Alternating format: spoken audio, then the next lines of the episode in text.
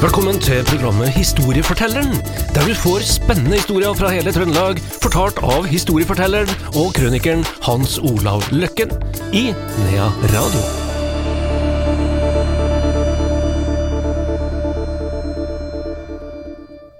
Vi er klar eh, med et nytt program i serien Historiefortelleren her i Nea Radio. Vår historieforteller og krøniker det er Hans Olav Løkken. Velkommen igjen. Ja, takk. Du har eh, lovt oss ei litt spesiell eh, historie fra lokal luftfart i dag. Ja. Men vi skal til eh, 2. juni i eh, 1953, for da melder NTB eh, om eh, en britisk ekspedisjon som hadde nådd eh, toppen av Mount Everest for første gang. Og Det er jo ganske aktuelt i disse dager, for det har blitt liggende igjen ganske mange på Mount Everest de siste månedene, ettersom jeg forstår. Men det her var da Hillary og en sherpa som het Tenzing, det er ikke så vanskelig å huske. De var de første offisielle, da, men vi, det er vel de som mener at kanskje det hadde vært noen sherpaer oppe der tidligere. Men, men Hillary får i hvert fall æra. Men Hillary, engelskmann, tok jo den æren, da. Og, og det taket her, da, verdens tak, det kom da som stornyhet den dagen. Men det var et annet tak som eh, også på en måte skulle komme i nyhetsbildet litt mer lokalt, og det var taket på Norsk eh, Ståltaufabrikk i Trondheim. Og forskjellen var at den som besteg det taket, taket, kom ovenfra, altså med fly. Er vi på Lade nå, altså? Nå er vi på Lade. Vi er til og med på Stjørdalsveien. Faktisk talt så heter det Stjørdalsveien inn på Lade, og da må jeg vel formode at den veien peker nordover, eller østover da, mot Stjørdal. Og i Stjørdalsveien nummer 13 på Lade, der sitter verkstedmester Magnus Pettersen og hans frue, da, Signe Oline, og spise middag. Så merker han Pettersen at det er en sånn dur som øker, og sånn lyd, og så ser han at det kommer en skygge foran vinduet, og eh, han kaster seg da under bordet, samtidig som han roper ut en advarsel til kjerringa som ble litt i seneste laget, og så smeller da en milliontedel sekund etterpå, inn i vinduet, så veggen og vinduet kommer altså inn over bordet. Og eh, han ble jo ikke noe skada, kjerringa ble litt skada av noen noe, noe, noe biter antagelig fra vinduet, så videre og. Og akkurat når det her skjer, så erindrer han herre Pettersen. Men det her har jeg opplevd en gang tidligere. Altså, i 43, når man bomba Trondheim, så var det bombe som kom for nære, og som knuser samme vinduet, og de satt på samme plass. Er ikke det merkelig? Det er meget merkelig. Og for å så referere hva journalistene skrev, da, så var det en da i Adresseavisa som skrev at uh, han uttrykte seg på følgende måte. Det var et forferdelig bråk. Det knuste vindusglasset fløy inn i kjøkkenet. Så ferskfisken på bordet ble virkelig skåren torsk. så der var det en journalist som traff litt på spikeren, da. Og det som hadde skjedd, da, det var at uh, ute på Lade, som var en ganske sånn aktiv plass da i 53 De uh, ble jo nedlagt i 56, da. Uh, SAS de kom til Værnes i 52. Bråten Ja, nå snakker du om flyplassen. om flyplassen, ja. Mhm. For der Så- var det en, en, en flyplass. Ja, det var på Lade var det Håkon Sjunes gate der, da. Og der disse fotballbanene er nå, ikke sant. Nå er jo snart ikke noen igjen av de heller. Men der var det en flyplass og litt aktivitet. Og det var spesielt da NTH flyklubb. Og der var det da en eh, student da som het Johan Tyrholm Back. Eh, han hadde da eh, eh, gått der i hangaren. Han hadde tenkt oss å få seg en flytur, da. Han var såkalt eh, flyelev, da. Han kunne fly alene, men han måtte jo da ha en sånn utsjekk av en autorisert flyver, da. Så han gikk rundt eh, en sånn ambulanseflyver som het Pettersen, i Widerøe, og liksom sa kan ikke du bare klarere meg ut nå, så, så jeg får tatt meg en tur, for han var jo da instruktør, han Pettersen, da. Så sier Pettersen at jo, bare gå og gjør deg klar, så skal jeg komme og klarere det ut, som vi sier på, på flyspråket. Så han rusler bort til en Cub. Cub er en ganske enkel, liten flymaskin, ser ut som en mugg eh, her. Så han går bort dit, og så tar han i propellen og sveiver den andre veien. bakover for å blåse ut motoren, som vi sier i luftfarten. De gjorde det på sånne fly i den tida der. Og dermed så starta den her flymaskinen. For det var jo da noen som hadde ikke slått av tenninga, og trottelen, det som heter på godt norsk gass, sto på open. Så flyet fikk, eller motoren fikk det motoren skal ha, og motoren starta, og den propellen, og kutta han her Johan Back i låret, som han da skulle ha resten av livet. Og han ble da kasta på en måte i bakken, sånn at flyet kjørte over den.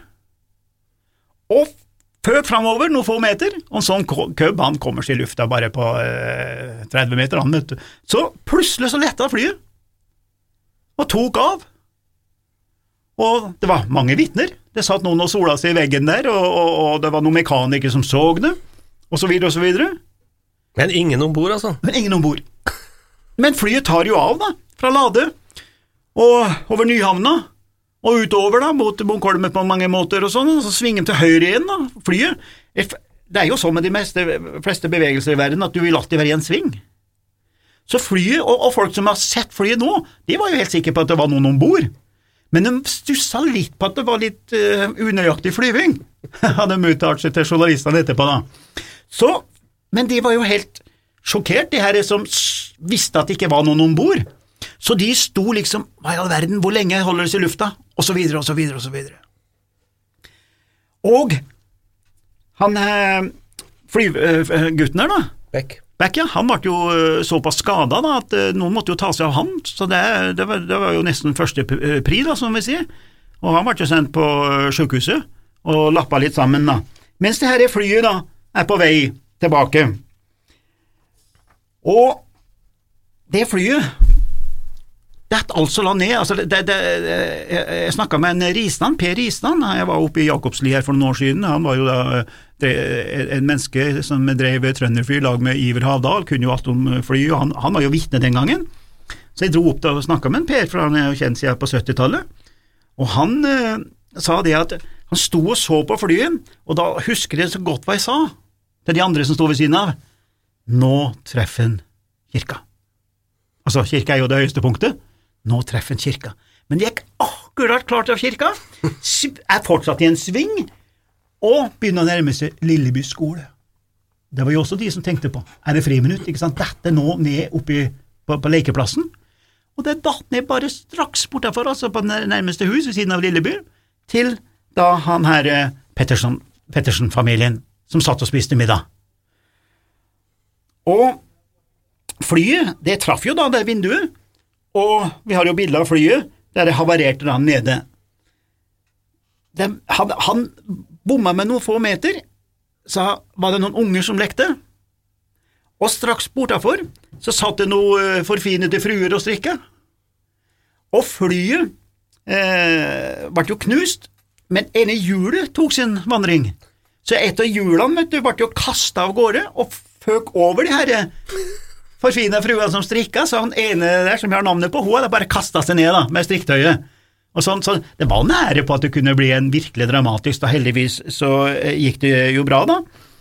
Og øh, så, så hun, Helene Midtbauer, het hun der som satt og strikka, hun fortalte jo da det her med at det var som en kanonkule som liksom bare Det var det eneste de oppdaga, det kom en kanonkule. Det var jo et ur, da. her. Og eh, det, det, var litt mer dramatisk enn ville ha det til. Og så skulle man da selvfølgelig sette i gang alarmering i 1953. Det er ikke sånn som nå, altså. Du trykker ikke 113 og 112 og 110 og det er mobil og alt mulig sånn. Den gangen så gikk alt via sentralbordet i Adresseavisa. Altså, du måtte jo ringe ikke sant, for å få kontakt med noen, da. Og det er litt artig å lese rapporten fra den, tida her, for det kom inn altså så mange ulike meldinger Og ingenting var koordinert. Det ble jo ringt til brannvesenet, kom det inn ei melding. Til politiet kom det inn ei melding. Til flykontrollen på, på så kom det inn en helt meningsløs melding. Altså, det, det, det er den her fjæra som blir høns igjen, ikke sant, og, og, og lekfolk som har sett uh, alt, og det var de som trodde at det var et storfly som hadde uh, havarert midt blant unger på, uh, på Lilleby skole, og man dramatiserte veldig, og journalistene fråtsa jo enormt i den saken her. Og det var jo virkelig òg, altså et fly uten noen om bord. Og når jeg prata med en Per igjen, da, så sier Per eh, Ristan til meg at eh, han drev jo og fløy litt sjøl og sånn, og han, han skjønte ikke at denne cuben kan, kan klare seg, for cuben han, han har et eh, sånt system at han, eh, han rakler, som vi sier, altså han, eh, håndtaket, gassen, glir alltid litt tilbake. Så en, en flyver som flyr cub, han må drive og presse foran, fram hele tiden, trottelen, for å holde flyet oppe. Så, så det var litt sånn merkelig at flyet ikke datt ned tidligere, og de anser at han har vært i lufta en tre-fire minutter mens han rundtur, før han datt ned. Men så er det jo dramatikken i dette her, da, vet du. Det er jo alltid noen som tar i veldig, og sånn skal det være, for du skal ha en god historie. Så da kom det ut, da, i en eh, sånn luftfartsmagasin straks etterpå, historien, og han som har skrevet da, han påstår da at da var tatt kontakt med Ørlandet og, og skremla, som vi sier, få opp et jagerfly for å skyte den ned.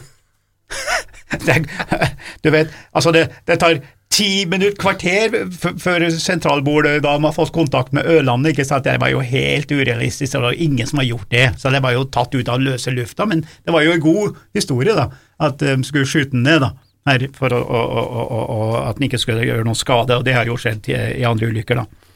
Ja, og hva så med vår flyver, da? Her? Jo da, han spora jeg opp. Beck. Han back klarte jeg å finne. Drev i mangfoldige dager. Hvordan gikk det med låret? Låret, det ble uh, lagt. Så han, han, han, han, skulle jo på en måte ikke bli flyver heller, men han uh, studerte ved NTH tok eh, Det heter vel master i dag, eller diplomen eller noe sånt, men han tok den. Og eh, han kom opprinnelig fra Gjøvik, far var banksjef på Gjøvik. Og jeg klarte å spore den opp i Stockholm, fordi at etter at han tok eksamen på NTH, så var det litt dårlig med jobber og sånn, så han havna hos Siemens i Tyskland. Det er jo der hovedkontoret er. Fikk jobb der, traff ei svensk dame, og de gifter seg og flyttet til Stockholm. Og eh, der eh, gikk han veldig raskt inn i en del kirkelig arbeid. Jeg vet ikke om det var noe der som gjorde at han skulle liksom uh, gjøre noe godt her i livet, da, jeg vet ikke det, da. men han, han, når jeg prater med ham på telefon, så prater han om at han hadde brukt hele sitt liv da, på sånn kristelig arbeid og sånn. Og eh, eh, noe var han så dårlig da når jeg pratet med ham, han kunne verken lese eller skrive og sånn, men han syntes det var veldig artig da kanskje at det var en fra Værnes og fra flymiljøet som hadde klart å spore han opp, da.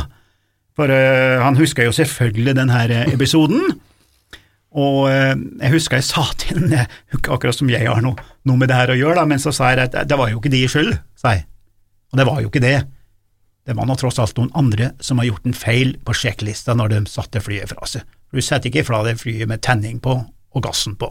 Da tar det av.